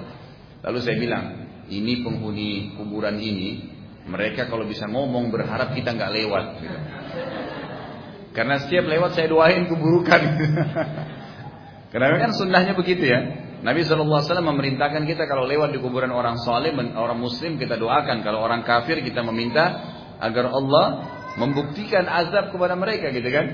Jadi setiap kali lewat saya bercanda. saya bilang ini mereka berharap kalau kita nggak lewat nih bertiga. Kita kita setiap lewat mendoakan itu gitu. Baik, kita masuk masalah pembangunan Masjid Kuba dan juga sekaligus Masjid Nabawi nantinya. Muslimin di Madinah berusaha memperebutkan Nabi Shallallahu Alaihi Wasallam agar menjadi tamu di rumah mereka. Tetapi Nabi Shallallahu Alaihi Wasallam menolak dan berhenti di wilayah Kuba dan memerintahkan untuk membangun masjid yang dikenal di sana dengan Masjid Kuba. Jadi Kuba itu adalah nama wilayah di situ. Kemudian dinamakanlah masjidnya masjid itu gitu. Seperti kalau Bekasi, Masjid Bekasi misalnya. Jadi tidak ada masalah dengan menamakan masjid itu dengan nama misalnya kayak Al-Ihsan ini atau apalah ya Masjid Al-Ikhlas dan seterusnya atau bisa nama kota, nggak ada masalah. Yang penting nama itu baik, bukan nama-nama yang buruk. Terbukti Nabi Shallallahu Alaihi Wasallam menamakan Kuba dengan Masjid Kuba. Kuba itu nama lokasi itu, nama lokasi itu. Itu kan jadi tidak selamanya harus milih nama-nama yang uh, harusnya seperti al-ikhlas atau al-ihsan dan sebagainya bisa nama-nama lain yang penting nama positif. Ini juga pelajaran yang kita ambil gitu. Baik. Nabi SAW waktu masuk ke Madinah itu untanya selalu mau ditarik oleh orang-orang di Madinah gitu kan. Tapi Nabi SAW mengatakan biarkan saja. Sampai akhirnya unta Nabi SAW dua kali terjadi nih. Sekali mampir dulu di Kuba, mampir di daerah Kuba tadi. Kemudian beliau begitu turun langsung menginstruksikan kita harus membangun sebuah masjid dan mereka sudah tahu masjid sebelumnya gitu ya. Allah Subhanahu wa taala menceritakan tentang kejadian tersebut. Jadi kejadian untuk Nabi SAW tiba, instruksi pertama adalah bangun masjid dan di wilayah Kuba. Allah ceritakan dalam surah At-Taubah urutan 9 dalam Al-Qur'an ayat 107 sampai 108. Bunyinya A'udzubillahi minasyaitonirrajim. Bismillahirrahmanirrahim. والذين اتخذوا مسجدا ضرارا وكفرا وتفريقا بين المؤمنين وإرصاد وإرصادا لمن حارب الله ورسوله من قبل ولا يحلفن إن أردنا إلا الحسنى والله يشهد إنهم لكاذبون لا تقم فيه أبدا لمسجد الأسس على التقوى من أول يوم أحق أن تقوم فيه fi rijalun yuhibbuna yatatahharu wallahu yuhibbul.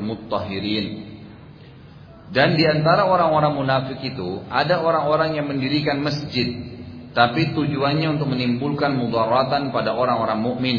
Ini subhanallah ya. Sampai hari ini, sampai hari ini. Allahu alam mungkin di Indonesia juga terjadi gitu kan. Orang-orang munafik yang memang tidak senang dengan Islam, mereka juga masuk ke masjid kalau bukan masuk, mereka membangun masjid. Tapi tujuannya apa? Untuk menghilangkan atau mengacaukan Islam. Banyak sekarang begitu masjid-masjid gitu kan. Semua perbuatan yang tidak benar terjadi di masjid. Saya kaget terus ada masjid yang pernah saya lewatin dalam masjid gendang, rebana. Dalam masjid. Dari mana ini gitu?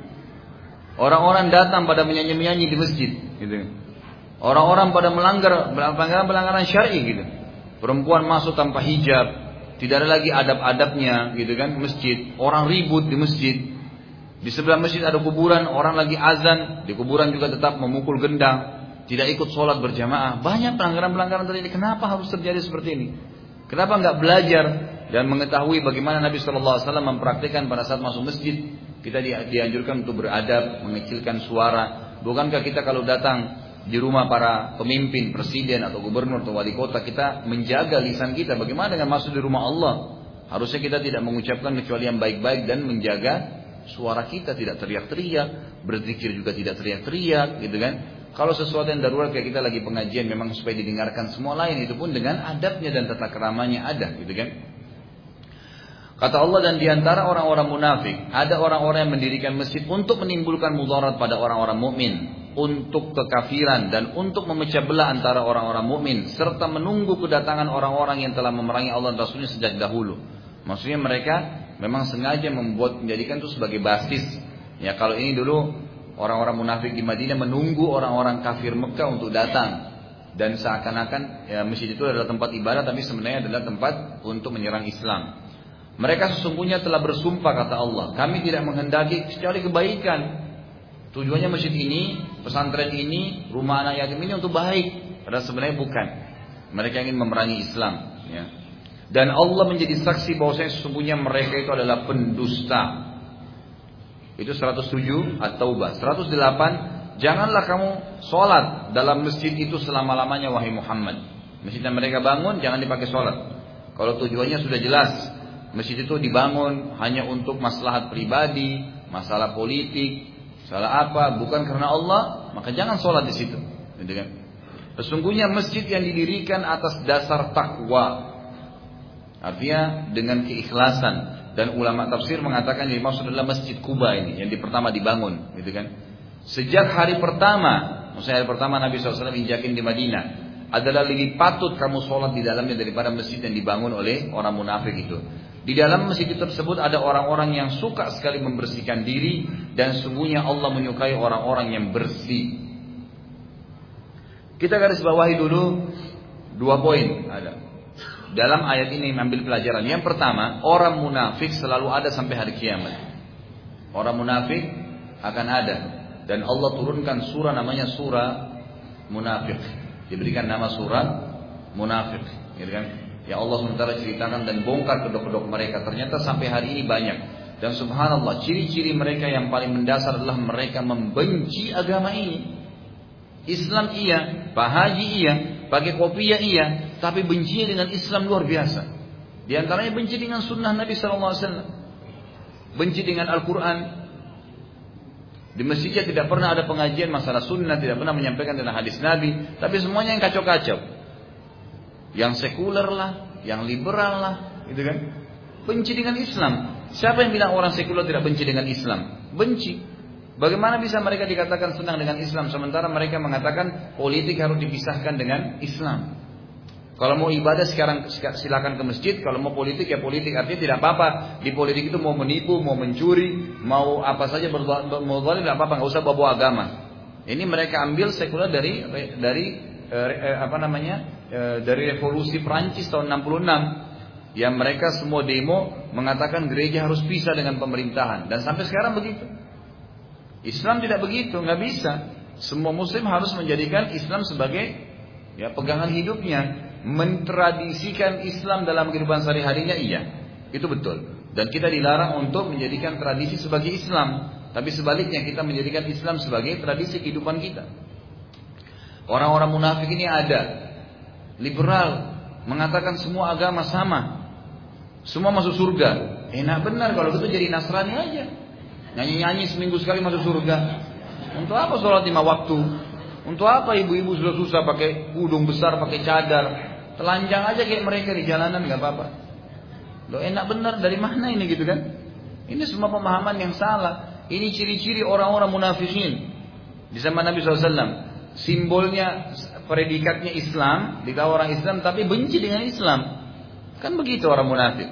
Mereka menyembunyikan gitu kan kemunafikannya ini banyak. Artinya dari ayat ini kita ambil pelajaran bahwasanya memang ya, di tengah-tengah umat Islam ini banyak orang munafik. Ada orang-orang munafikin yang sebenarnya berkedok Islam tapi mereka membenci Islam sendiri. Dan ciri-cirinya tadi saya katakan, banyak sekali mereka membenci Islam, benci dengan Islam, benci dengan orang yang berjilbab, benci dengan orang yang menikah dengan Islam, benci dengan orang yang uh, menggunakan kopiah, dianggap kampungan lah dan dan seterusnya. Padahal sebenarnya semua itu kan persepsi ya, persepsi kita sendiri. Bapak Ibu, bapak-bapak saya tanya, kalau pada saat kita pakai jas yang membuat kita merasa keren, kenapa? Persepsinya. Kita sudah terlanjur menanamkan dalam benak kita, jas itu keren, gitu kan. Kenapa perempuan-perempuan pada saat mereka pakai baju terbuka auratnya, seperti orang-orang non muslim, bolong di belakang, bolong di depan, gitu kan. Kayak orang kekurangan kain. Kenapa perempuan ada muslimah yang bangga pakai begitu? Persepsinya ini keren. Kenapa bapak-bapak kalau pakai baju koko ada yang malu? Ibu-ibu pakai jilbab atau pakai cadar ada yang malu. Karena persepsinya ini tidak bagus, ini tidak keren. Balik sekarang, gitu kan? Kita harus bangga jalan dengan baju koko, bangga jalan dengan cadar, bangga jalan dengan pakai jilbab besar. Mestinya kita bersyukur kepada Allah. Kita justru menggunakan libasut takwa, pakaian yang bertakwa. Ya, kenapa? Dengan baju koko, Bapak Ibu sekalian, pasti saya ragu, khawatir untuk melakukan perbuatan dosa. Kan tidak masuk di akal kalau pakai kopiah berjenggot, pakai baju koko terus ganggu-ganggu perempuan, gitu kan? Nggak nyambung. Orang pun lihat nggak mungkin, gitu kan? Kan tidak masuk di akal kalau perempuan bercadar pakai jilbab besar lalu ganggu-ganggu laki-laki di jalanan, nggak mungkin, gitu kan? Karena termasuk pakaian dia itu libasut takwa kata ulama tafsir. Para sahabat menafsirkan ayat walibasut takwa zalika khair dan pakaian yang diikuti dengan ketakwaan. Maksudnya ada simbol-simbol ketakwaan, gitu kan? Itu pasti baik. Artinya baik di sini banyak jabarannya. Di antaranya mereka mengatakan akan menahan orang itu berbuat dosa. Dia malu untuk melakukan dosa karena pakaiannya gitu kan. Tapi kalau saya pakai baju kos ketat, saya pakai bukan kopiah, gitu kan, pakai pet misalnya, wah bebas. Syaitan sudah bisikin, kamu keren, tinggal ganggu saja, kamu begini dan seterusnya, gitu kan? Jadi cuma persepsi, harusnya dilawan itu, dihapus, gitu kan? Oh, yang kerennya ke karaoke, hapus itu persepsi anda, kerennya ke masjid, ya iya, bisa kok, gitu kan? Dua jam kita di sini dapat pahala, di sana dua jam malah pusing, gitu kan? Telinganya jadi butek, nggak bisa dengar, saya heran gitu orang dengar musik besar ngomong sama temannya teriak-teriak, kamu dari mana gitu. Untuk apa? Itu tidak ada manfaatnya sama sekali. Tapi persepsinya itu keren, maka syaitan tunggangin, kan gitu. Baik yang kedua Bapak Ibu sekalian, selain poin pertama masalah orang munafik, yang kedua juga adalah ternyata Allah Subhanahu wa taala memang memuji dan memerintahkan kita untuk membangun masjid. Membangun masjid, gitu kan? Fokus dan dikasih fadilah. Siapa yang membangun masjid di muka bumi untuk Allah, Allah akan bangunkan baginya apa? Istana di mana? Di surga, bukan Bekasi Barat gitu. Bahkan dalam hadis Nabi SAW berbunyi yang hadis sahih, siapa yang membangun masjid di muka bumi sebesar cakaran kaki burung di tanah, kecil saja, seribu rupiah, digabungin sama seluruh dana yang ada, dibeli semen, jadi tembok masjid, maka dia akan dapat istana di surga. Walaupun beda dengan orang yang bangun satu masjid, tapi yang jelas bisa dapat kalau mau. Mungkin kalau yang sumbang satu mayoritas masjid misalnya satu miliar, dia sumbang 700 juta, mungkin dia dapat tipe rumah di istana di surga mungkin tipe berapa. Yang nyumbang seribu ya mungkin dapat tipe berapa. Tapi ada dapat andil. Kan gitu. Bisa saja dapat itu semua Allah SWT bisa berikan. Juga tidak luput ya, ada poin ketiga sebenarnya. Yang kita ambil dari ayat ini, Allah sangat suka kebersihan dan kerapian. Ini yang jadi masalah kadang-kadang subhanallah. Kita ini umat Islam apalagi kalau sudah mulai ya faham agama, sudah rutin hadir pengajian, mulai kopiannya kotor, bajunya kotor, penampilannya orang lewat bau badannya nggak enak. Ibu-ibu jilbabnya kotor, mau kena yang dipakai kotor semua, kos kakinya kotor, gitu kan? Begitu buka kos kaki orang bisa bersin di sebelahnya. Nah kenapa ini terjadi? Kenapa tidak sebaliknya? Kenapa kalau orang-orang malah yang tadi saya bilang pakai jas, pakai ini itu yang keren, dijaga, dicuci karena tadi persepsi. Perhatikan apa yang Allah katakan di sini. Di sekitar Masjid Kuba itu ada orang-orang yang suka membersihkan diri. Dan Allah mengatakan sesungguhnya Allah menyukai orang-orang yang apa? Yang bersih rumah bersih, pakaian bersih, dapur bersih, gitu kan, taman bersih, kendaraan bersih, itu simbolik, gitu kan. Allah suka dan itu ibadah, dan itu ibadah. Makanya sampai keluar persepsi para ulama mengatakan beranjak daripada ayat ini, rumah yang sebaliknya kotor, orang yang kotor, makanan yang kotor, gitu kan, kendaraan yang kotor, itu malah disukai oleh syaitan. Makanya kan setan itu suka dengan rumah yang kotor, yang penuh dengan lawak-lawak, yang tidak dihuni gitu. Tapi kalau rumah yang bersih, rumah yang wangi, dia nggak suka. Dia nggak suka dengan itu. Makanya kita mesti jaga, terutama ibu-ibu ini ya. Makanya biasa setan membuat kita malas untuk merapi-rapi, bersih-bersih di rumah itu harusnya bersih, rapi. Ada kelebihan rezeki, cat kembali rumahnya. Ya, niat dengan baik membersihkan kamar mandi sudah kotor itu dibersihkan gitu kan. Ini semua hal-hal mendasar. Beranjak dari rumah kita, kemudian lingkungan masjid kita, rumah anak yatim, tetangga, dijaga, dijaga untuk kebersihan dirapikan. Dan tidak usah tunggu orang untuk melakukan. Kalau kita lihat depan kita ada yang kotor, dipungut, dipindai, dirapiin, diajak teman-temannya, maka itu sudah bagian daripada perintah agama. Makanya para ulama kita dikatakan disebutkan dalam banyak kisah ya, seperti misalnya masalah uh, apa namanya uh, sahabat-sahabat atau para tabi'in. Kita ambil misalnya Imam Malik rahimahullah, salah salah satu gurunya Imam Syafi'i dan juga Imam Madhab gitu. Beliau itu kalau ingin menyampaikan hadis Nabi, beliau selalu mandi, lalu menggunakan baju yang paling bagus, lalu menggunakan minyak wangi yang terbaik gitu kan. Kemudian juga Imam Abu Hanifah rahimahullah kalau beliau jalan selalu dikenal karena pakaiannya yang rapi, bau badannya yang wangi gitu kan. Rumah-rumah mereka yang bersih dan seterusnya gitu kan. Walaupun rumahnya sederhana tapi diikuti dengan kebersihan. Baik. Di sini ada sebagian ulama tafsir mengatakan yang dimaksud juga dengan perkataan orang-orang yang memerangi Allah dan Rasulnya sejak dahulu ialah seorang pendeta Nasrani yang bernama Abu Amir. Yang mereka tunggu-tunggu kedatangannya dari Syria untuk sholat di masjid yang mereka dirikan itu. Maksudnya orang-orang munafik di Madinah bangun masjid. Kemudian mereka panggil pendeta untuk ceramah di situ. Jadi kesannya seperti sekarang orang liberal boleh di masjid tidak apa-apa pendeta datang ceramah di tengah-tengah umat Islam. Apa yang dia mau cerita? Gitu kan? Kita dengar dari ustaz saja belum tentu kita paham, gitu kan? Apalagi mau ambil dari Nasrani, nggak nggak connect gitu. Al-Quran aja belum belum jarang dibaca. Enggak, saya mau beli Injil supaya saya mau tahu agamanya mereka. Untuk apa? Enggak butuh. Bacanya membingungkan, tidak ada pahalanya. Gitu kan? Kalau Quran bacanya dapat pahala, gitu kan? Dapat hukum, bisa diterapkan. Memang kita nggak perlu itu sudah. Ya. Di sini dikatakan orang-orang munafik di Madinah, kata ulama tafsir adalah mereka waktu sudah bangun masjid untuk menyaingi masjid Kuba dan masjid Nabawi, mereka menunggu seorang pendeta Nasrani dari negeri Syam yang bernama Abu Amir. Kemudian pada saat tentara Romawi akan memerangi kaum muslimin, gitu kan? Abu Amir tidak jadi datang dan ternyata tertahan di Syria dan masjid yang didirikan kaum munafik itu diruntuhkan oleh Allah atas perintah, diruntuhkan oleh Rasulullah SAW atas perintah Allah. Berkenaan dengan wahyu yang telah diterima setelah pulang dari perang Tabuk.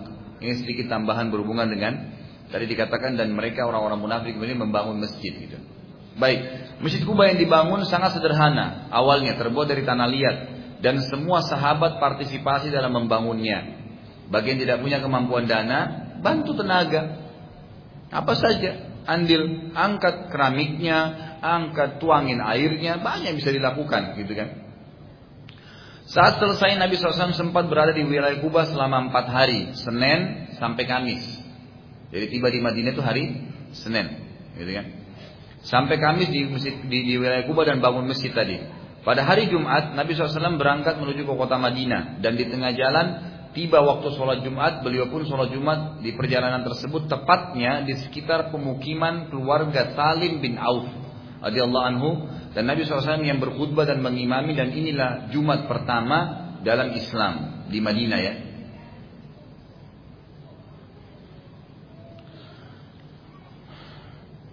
Orang yang pertama mengerjakan sholat Jumat di Madinah, ya, tentu dia maksudnya khutbah Jumat pertama dalam Islam yang dipimpin oleh Nabi sendiri. Namun sholat Jumat sudah dikerjakan ya di Madinah. Itu yang pertama kerjakan secara berjamaah di Madinah ada seorang sahabat bernama As'ad bin Zurara yang beliau radhiallahu anhu mengumpulkan karena belum ada masjid ya. Nabi masih di Mekah waktu itu. Beliau kumpulkan di rumahnya sekitar 39 orang dari sahabat-sahabat yang sudah masuk Islam dari orang Ansar dan beliau sendiri jadi 40 orang. Dari sinilah sebagian ulama mengatakan minimal jumlah orang yang sholat Jumat adalah 40, gitu kan? Dari riwayat Abu uh, As'ad bin Zurara. Tapi ini bertolak atau ditolak oleh para ulama yang lain yang berpendapat bahwasanya Jumat itu uh, wajib dikerjakan ya, bila sudah ada minimal jumlah ya jumlah orang untuk sholat berjamaah. Jadi dua orang saja. Ada imam, ada makmum, sudah cukup. Masalah khutbahnya, khutbah disampaikan apa saja. Sebuah ayat kah? Baca Quran terjemahan? Sebuah hadis kah? Yang penting Jumat tidak boleh ditinggalkan. Tidak boleh ditinggalkan, jadi harus didirikan. Sebab Nabi Wasallam menegur dalam banyak hadis, di antaranya hadis yang Sahih riwayat Imam Ahmad, ada sebagian suku-suku Arab di Madinah tidak mau datang Jumat. Mereka menganggap karena rumahnya jauh dari masjid Nabawi waktu itu kan, jauh dari masjid Kuba juga. Jarak rumahnya 7 kilo, 8 kilo mereka harus jalan kaki. Lalu kata Nabi SAW, Ma balu akwam yatrukun al-jum'ah. Kenapa? Ya al-jum'ah. Kenapa ya? Ada kaum yang terus meninggalkan Jumat. Kalau mereka terus meninggalkannya maka pasti Allah akan membuat hati mereka menjadi orang-orang yang lalai. Menjadi orang-orang jadi ada ancaman bagi orang yang meninggalkan Jumat. Makanya ulama mengatakan e, Jumat dikerjakan secara berjamaah dan dia menggantikan posisi duhur maka minimal jumlah orang yang sholat berjamaah. Jadi dua orang tadi. Baik, waktu Nabi SAW masuk ke kota Madinah, jadi waktu itu kebetulan Kuba ini masih di awal Madinah. Dan waktu itu itu di, di awal pintu gerbang Madinah gitu. Waktu itu jarak dan sampai hari ini sebenarnya ya, jarak antara Masjid Kuba sekarang dengan Masjid Nabawi itu kurang lebih 7 km. Jadi Nabi SAW jalan dengan untanya jarak 7 km, tapi di tengah jalan tempatnya tiba di wilayah tadi, ya suku Salim bin Auf radhiyallahu anhu maka beliau sholat Jumat di situ. Jadi tidak sholat di Masjid Nabawi karena Masjidnya Nabawi belum dibangun, belum ada gitu kan. Jadi beliau berhenti dan beliau sholat Jumat di situ. Baik, waktu Nabi Shallallahu Alaihi Wasallam ya mendekati sekitar wilayah Masjid Nabawi yang sekarang, gitu, kan. masyarakat yang tinggal sekitar wilayah itu berusaha untuk menarik tali kekangan untanya Nabi Shallallahu Alaihi Wasallam, berusaha menarik tali kekangan. Tapi Nabi SAW selalu mengatakan da'a fa innaha ma'murah. Tinggalkanlah dia karena dia punya perintah sendiri. Gak usah dipegang kekangannya. Dia sudah tahu dia harus ke mana gitu. Sampai untah Nabi Shallallahu Alaihi Wasallam sendiri ya berhenti di sebuah bidang tanah yang sekarang jadi Masjid Nabawi itu kebetulan di wilayah suku Najjar. Ada suku asli Madinah bernama suku Najjar dan unta beliau sallallahu alaihi wasallam duduk ya di salah satu bidang tanah di suku Najjar itu yang dimiliki bidang tanah sebidang tanah itu oleh anak yatim. Maka Nabi SAW pun bertanya, siapa pemilik tanah ini? Orang-orang berkata, dua anak yatim wahai Rasulullah. Nabi SAW mengatakan, mana wali mereka? Perlu digarisbawahi sini, yatim itu Bapak Ibu sekalian adalah orang-orang yang belum balik. Yang apa? Jangan nenek-nenek di belakang ngaku yatim. Atau bapak-bapak ngaku yatim. Nggak boleh. Ada orang begitu, saya anak yatim. Umurnya sudah 70 tahun. Gimana caranya anak yatim? Yatim itu istilah bagi anak-anak muslim yang meninggal ayahnya sampai dia balik saja. Setelah balik tidak dihitung lagi yatim. Karena dianggap dia sudah bisa bekerja. Ya. Jadi kalau kita mau nyumbang, nyumbang ke anak-anak yang belum balik dari orang yang meninggal ayahnya. Kalau meninggal ibunya tidak dikatakan yatim. Di Indonesia kan ditambah dengan piatu. Itu istilah kita. Jadi kalau yatim ayahnya mati, kalau ibunya mati piatu. Tapi dalam agama tidak ada piatu, gitu kan? Cuma ada yatim saja. Pernah nggak dengar ada yayasan piatu? Karena adanya cuma yatim memang, kan gitu. Yatim saja. Nah di sini kita lihat anak kenapa Nabi SAW mengatakan mana wali mereka? Maksudnya mana yang bertanggung jawab? Karena ternyata mereka belum balik, kan gitu. Kalau udah balik, ditanya lagi walinya, langsung transaksi dengan keduanya gitu. Saat wali mereka datang, anak yatim dua ini, Nabi SAW berkata kepadanya, Aku akan membeli bidang tanah ini dari anda. Orang itu berkata, ini milik anda wahai Rasulullah, ambil aja. Kata Nabi SAW, tidak, aku akan membelinya. Maka Nabi SAW pun membelinya dan memerintahkan untuk membangun masjid di atas tempat itu. Ini pelajaran besar yang luar biasa. Pada saat kita punya kemampuan Bapak Ibu sekalian, bebasin tanahnya. Gak usah sibuk cari dengan tanah wakaf ada uang beli. Mana lebih besar pahalanya gitu kan? Beli, baru kita yang wakafin nggak masalah. Jadi tidak usah sibuk dengan sumbangan kalau kita masih mampu. Kadang-kadang subhanallah ada orang mampu, tapi dia sengaja kumpulin sumbangan dari sana sini. Nggak usah kalau kita mampu kerjaan sendiri nggak apa-apa. Malah kesempatan cari pahala. Kaidahnya adalah dalam ibadah kita tidak boleh mendahulukan orang lain ini bapak-bapak yang masuk di masjid, saya sering temukan begitu dan saya sudah sering kasih contoh ini ya. Fadilah bagi laki-laki kalau masuk masjid sholat di saf yang mana? Pertama. Kata Nabi SAW dalam hadis Bukhari, "Lau ya'lamun nasi ma fi lau ya'lamun nasu ma fi nidai wa safil awal la atahuma walau habwa." Kalau orang-orang tahu yang tersembunyi di azan, menjadi muazzin, menjawab lisannya muazzin, kemudian mendatang mengerjakan sholat dan saf pertama bagi laki-laki. Maka mereka niscaya akan mendatangi keduanya walaupun merangkak. Saking besarnya fadilah di saf awal.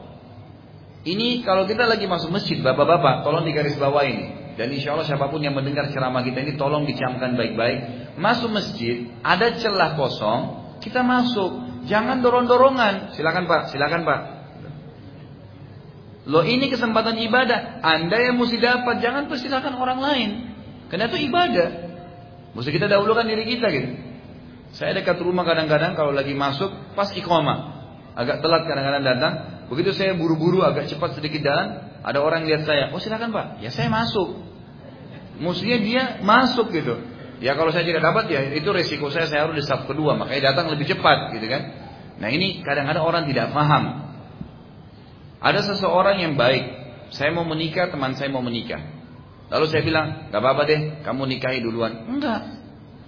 Emang dia soleha, ya saya lihat baik, saya mau nikah, ya saya menikah, karena itu ibadah.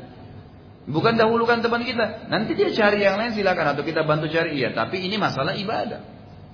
Begitu pula sama dengan muslimah. Ada seorang laki-laki yang soleh. Dia mau nikah temannya mau nikah. Ah, saya mengalah nih buat teman saya. Enggak ini ibadah nggak bisa mengalah. Gitu kan? Ini bukan masalah mengalahnya. Masalahnya adalah kita sendiri lebih butuh daripada dia. Tanpa mengelarang dia untuk melakukan silahkan gitu kan. Tapi ibadah kaidahnya harus kita mendahulukan diri kita. Gitu. Ada fakir miskin lewat, minta sumbangan. Lalu kita lihat teman kita sudah korek kantongnya, kita nggak jadi. Ya udah dia sudah anu. Gimana caranya? Keluarin duluan kasih, gitu kan? Kita yang dapat pahalanya. Mestinya begitu, ya dalam masalah ibadah. Juga sedikit tadi ada yang saya lupa berhubungan dengan masalah Masjid Kuba ya. Masjid Kuba ini punya fadilah ya, punya fadilah sendiri. Jadi selain ada e, dua poin yang saya lupa tadi. Pertama fadilah Masjid Kuba, yang kedua fadilahnya penduduk sekitar Kuba. Ya. Kalau Masjid Kuba sendiri memang ada fadilah. Nabi SAW dalam hadis Bukhari ya gemar sekali setiap pekannya datang sholat di Masjid Kuba. Dan beliau mengatakan dalam hadis Sahih, siapa yang bersuci di rumahnya. Makanya biasanya orang kalau umroh itu atau haji, travelnya alhamdulillah di Indonesia sudah menerapkan itu ya. Selalu dalam tour city Madinah pasti dibawa ke Masjid Kuba. Karena kata Nabi SAW yang bersuci di rumahnya. Makanya kalau saya bimbing umroh biasanya saya tekankan atau haji, Bapak Ibu wudhu di hotel ya. Bukan wudhu di masjidnya. Karena hadisnya adalah siapa yang bersuci di rumahnya. Ya kalau kita di hotel di Madinah kan. Kemudian mendatangi Kuba. Lalu dia sholat dua rakaat tahiyat masjid saja. Maka pahalanya sama dengan umroh. Itu fadilah. Dan tidak ada kecuali masjid Kuba gitu kan. Selain itu juga Nabi SAW sering ke Kuba dari saya katakan. Kemudian kalau penduduknya Allah mengatakan fihi fihi eh, rijalu yuhibbunya yatahharu. Di sekitar Kuba itu ada orang-orang yang suka bersuci. Ini pujian untuk penduduk Kuba dan subhanallah sampai hari ini kita temukan kalau Bapak Ibu lagi ke wilayah Kuba, cuma biasanya kita kalau umrah atau haji itu cuma mampir, sholat terus keluar kan. Tapi kalau Bapak Ibu interaksi dengan penduduk asli wilayah Kuba itu luar biasa. Mereka memang rata-rata kulitnya putih-putih bersih, orangnya gagah-gagah kalau laki-lakinya, kalau perempuannya Allah alam, saya nggak tahu, nggak pernah lihat gitu kan. Tapi kalau laki-laki itu kelihatan memang seperti yang Allah puji, mereka suka mensucikan diri. Nah, sebagian ulama tafsir mengatakan, kenapa Allah mengatakan di sana di sekitar Kuba ada orang-orang yang suka bersuci, yang membersihkan diri dan Allah suka dengan kebersihan.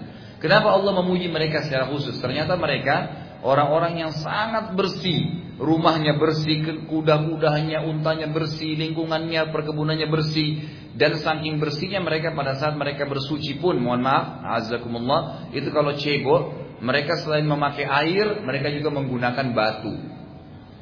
Kan kalau batu kita gunakan kalau air nggak ada. Ini enggak, mereka gabungin dua-dua. Ya saking sucinya, saking sukanya dengan kebersihan gitu. Saking sukanya dengan kebersihan. Jadi ini juga hal-hal yang saya eh, saya anggap sebagai sebuah tambahan ya. Kemudian Nabi SAW ini membeli tanah tersebut dan ini sebuah fadilah yang sangat besar dan perintah atau contoh yang sangat besar bagaimana kita semestinya ya, apa namanya e, membeli tanah kalau kita punya kemampuan untuk masjid.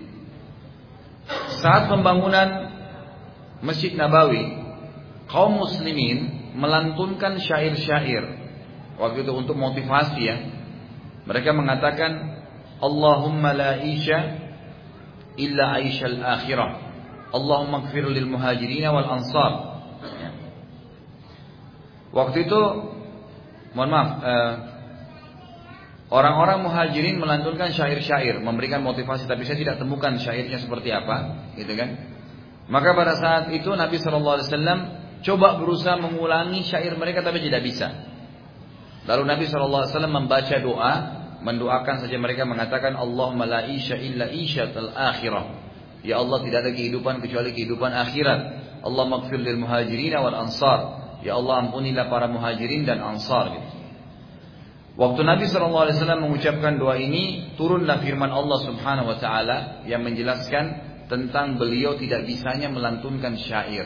Allah SWT memang menjaga beliau supaya memang yang diucapkan hanya wahyu saja. Gitu kan. Disebutkan dalam surah Yasin urutan 36 ayat 69 sampai 70 yang bunyinya A'udzubillahi minasyaitonirrajim. Wa ma 'allamnahu asy-syi'ra wa ma yanbaghi in huwa illa dzikrun wa qur'anun mubin. Liyunzira man kana hayyan wa yahiqqal qawlu 'alal kafirin. Dan kami tidak mengajarkan syair kepada Muhammad. Dan bersyair itu tidak layak baginya Al-Quran itu tidak lain hanyalah eh, pelajaran dan kitab yang memberikan peringatan agar Muhammad yang memberi peringatan kepada orang-orang yang hidup ya hatinya dan mereka atau memastikan azab kepada orang-orang yang kafir. Baik semua sahabat pada saat itu partisipasi membangun masjid, begitu pula Nabi Shallallahu Alaihi Wasallam ikut membantu. Semua sahabat mengangkat satu batu, kecuali ada seorang sahabat yang bernama Ammar ibn Yasir radhiyallahu anhu. Ini sahabat Nabi termasuk yang Allah panjangkan umurnya itu sampai uh, umur 90 tahun lebih beliau masih hidup gitu kan. Tapi nanti itu ada bahasan sendiri uh, pada saat dia terbunuh pada saat terjadi peperangan antara Ali dan Muawiyah radhiyallahu anhu gitu. Baik waktu itu Ammar bin Yasir mengangkat dua batu, ya, dua batu. Jadi kena kuatnya fisiknya radhiyallahu anhu gitu. Dan Ammar bin Yasir ini kalau Bapak Ibu masih ingat kisah kita di Mekah dulu, ada e, dua orang yang pertama mati syahid dalam Islam, laki-laki dan perempuan, suami istri. Ya, yang yang laki-lakinya namanya Yasir, yang perempuannya namanya Sumayyah. Nah, dua ini adalah budaknya Abu Jahal, yang Abu Jahal bunuh karena disuruh kafir nggak mau. Anak mereka bernama Ammar. Ammar ini yang jadi bahasan. Ammar bin Yasir ini sangat kuat fisiknya, dan beliau mengangkat waktu itu dua batu sementara yang lainnya angkat batu. Tentu kalau kita bicara batu di zaman Nabi ini bukan kayak batu bata kita ya. Batu yang masih besar-besar gitu kan. Mereka belum belum memecahkan atau mungkin mungkin dipecahkan pun dalam kondisi besar. Jadi mengangkat satu saya sudah berat sekali. Ini beliau mengangkat dua batu karena kuatnya fisiknya radhiyallahu anhu. Lalu waktu melihat itu Nabi saw mengatakan sungguh kasihan Ammar dia akan dibunuh oleh kelompok yang memberontak kelompok yang memberontak. Gitu. Baik, kita tutup pertemuan kita ini dengan kisah Ammar ini. Ternyata yang Nabi SAW mengatakan tadi, kasihan Ammar dia akan dibunuh oleh kelompok yang bugat, yang keliru gitu kan.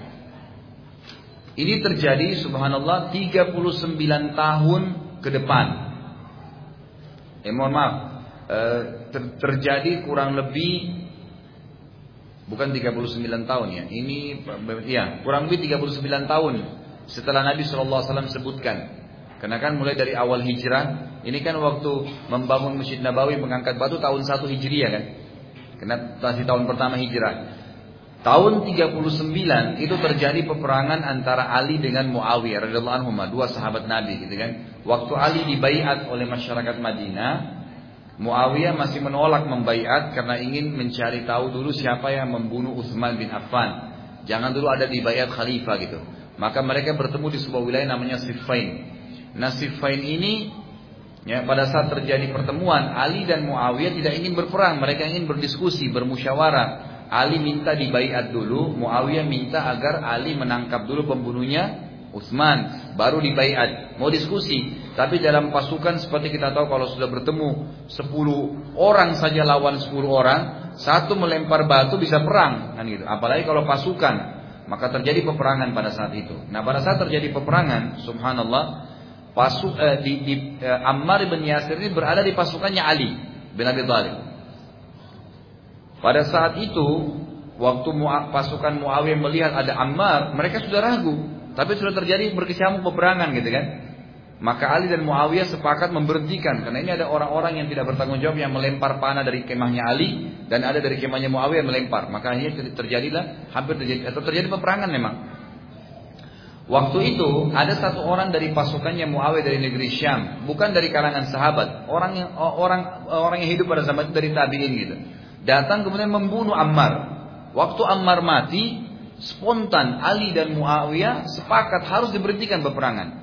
Karena memang Ammar ini sahabat Nabi dan ternyata ada sabda Nabi yang mereka berdua tahu. Kata Nabi SAW, kasihan Ammar akan dibunuh oleh salah satu dari atau satu kelompok Muslim yang keliru atau yang memberontak gitu. Dan itu ternyata yang membunuh Ammar dari pasukan Muawiyah. Maka Muawiyah pun sadar pada saat itu.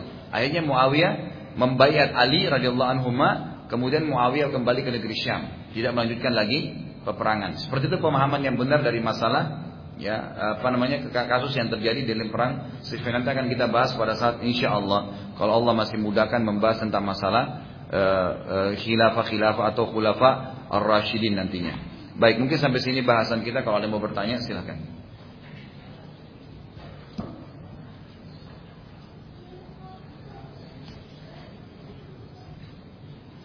Enggak ada pertanyaan? Silakan. Waalaikumsalam Baik. Baik pertanyaannya setelah Nabi SAW hijrah ke Madinah, apakah masih ada Muslim di Mekah? Ini nanti juga akan ada bahasanya di depan insya Allah, tapi sudah pernah saya singgung juga. Masih ada Muslim di Mekah. Tepatnya adalah anak-anak Nabi Shallallahu Alaihi Wasallam. Anak-anak Nabi Shallallahu Alaihi Wasallam yang perempuan itu masih ada di Mekah, Zainab dan Fatimah. Serta juga masih ada anak Abu Bakar, gitu kan? Aisyah dan juga uh, Asma. Mereka masih ada di Mekah, ya, masih ada di Mekah. Sebagian juga ya ulama sejarah mengatakan termasuk anaknya Umar bin Khattab Hafsah masih ada di di Mekah. Nanti akan kita lihat bagaimana Nabi SAW mengutus setelah tiba di Madinah seorang sahabat yang mulia, kalau tidak salah Zaid bin Harith atau Usama bin Zaid, salah satunya untuk menjemput mereka di Mekah dan berhasil menjemput dengan selamat. Sudah lagi? Sudah? Baik, kalau sudah tidak ada insya Allah kita tutup sampai di sini. Biasanya ibu-ibu yang paling banyak pertanyaannya gitu. Atau mungkin dibisik setan, nggak usah bertanya. Nanti kalau sudah bubar, coba tadi bertanya ya gitu. Sudah ya, kalau saya sudah salam nggak boleh tanya lagi ya. Baik, itu dalam kafaratul majlis. Kalau ada benar dari Allah, kalau ada salah dari saya mohon dimaafkan. E, kemudian kembali lagi saya mengajak sebelum saya tutup Bapak Ibu sekalian, kalau masih ada yang niat untuk ikut infak di tanah wakaf di Makassar dengan 100 ribu rupiah e, per meter persegi untuk membangun Islamic Center, Kebetulan tanah di lokasi atau harga tanah di sekitar lokasi yang kami akan bangun Islamic Center itu sudah 800 sampai 1 juta rupiah per meternya. Tapi karena ahli warisnya memang tahu ini adalah wakaf, mereka masih menjual dengan 100 ribu rupiah. Maka saya jual saham akhiratnya itu 100 ribu minimal. Jadi misal Bapak Ibu bilang untuk ayah saya 100 ribu, eh, 10 meter deh berarti 1 juta. Gitu kan nanti akan ada kuitansi resmi dari yayasan insya Allah. Ini termasuk. Kemudian yang kedua juga, sekarang saya lagi gencar menyampaikan di pengajian saya untuk ikut uh, andil memberikan sumbangan korban banjir. Ya, ini korban banjir bebas mau infak berapa saja. Nanti yang terpikir untuk menyumbang bisa uh, mengambil nomor HP saya, saya kasih nomor rekening, lalu ditransfer. Nanti kita fokus untuk memberikan perangkat atau alat-alat sholat. Ya, saya tidak membagikan lagi makanan, tapi saya membagikan kemarin yang sudah terjadi. Kita bagikan sejadah, mukena, Ya, mungkin belum pernah tapi sejadah sudah sudah berjalan dan itu alhamdulillah sangat bermanfaat bagi mereka. Mungkin begitu dulu. Kalau ada benar dari Allah pada salah dari saya mohon dimaafkan. Subhanakallahumma wa bihamdika asyhadu an la ilaha illa anta astaghfiruka wa atubu ilaik. Assalamualaikum warahmatullahi wabarakatuh.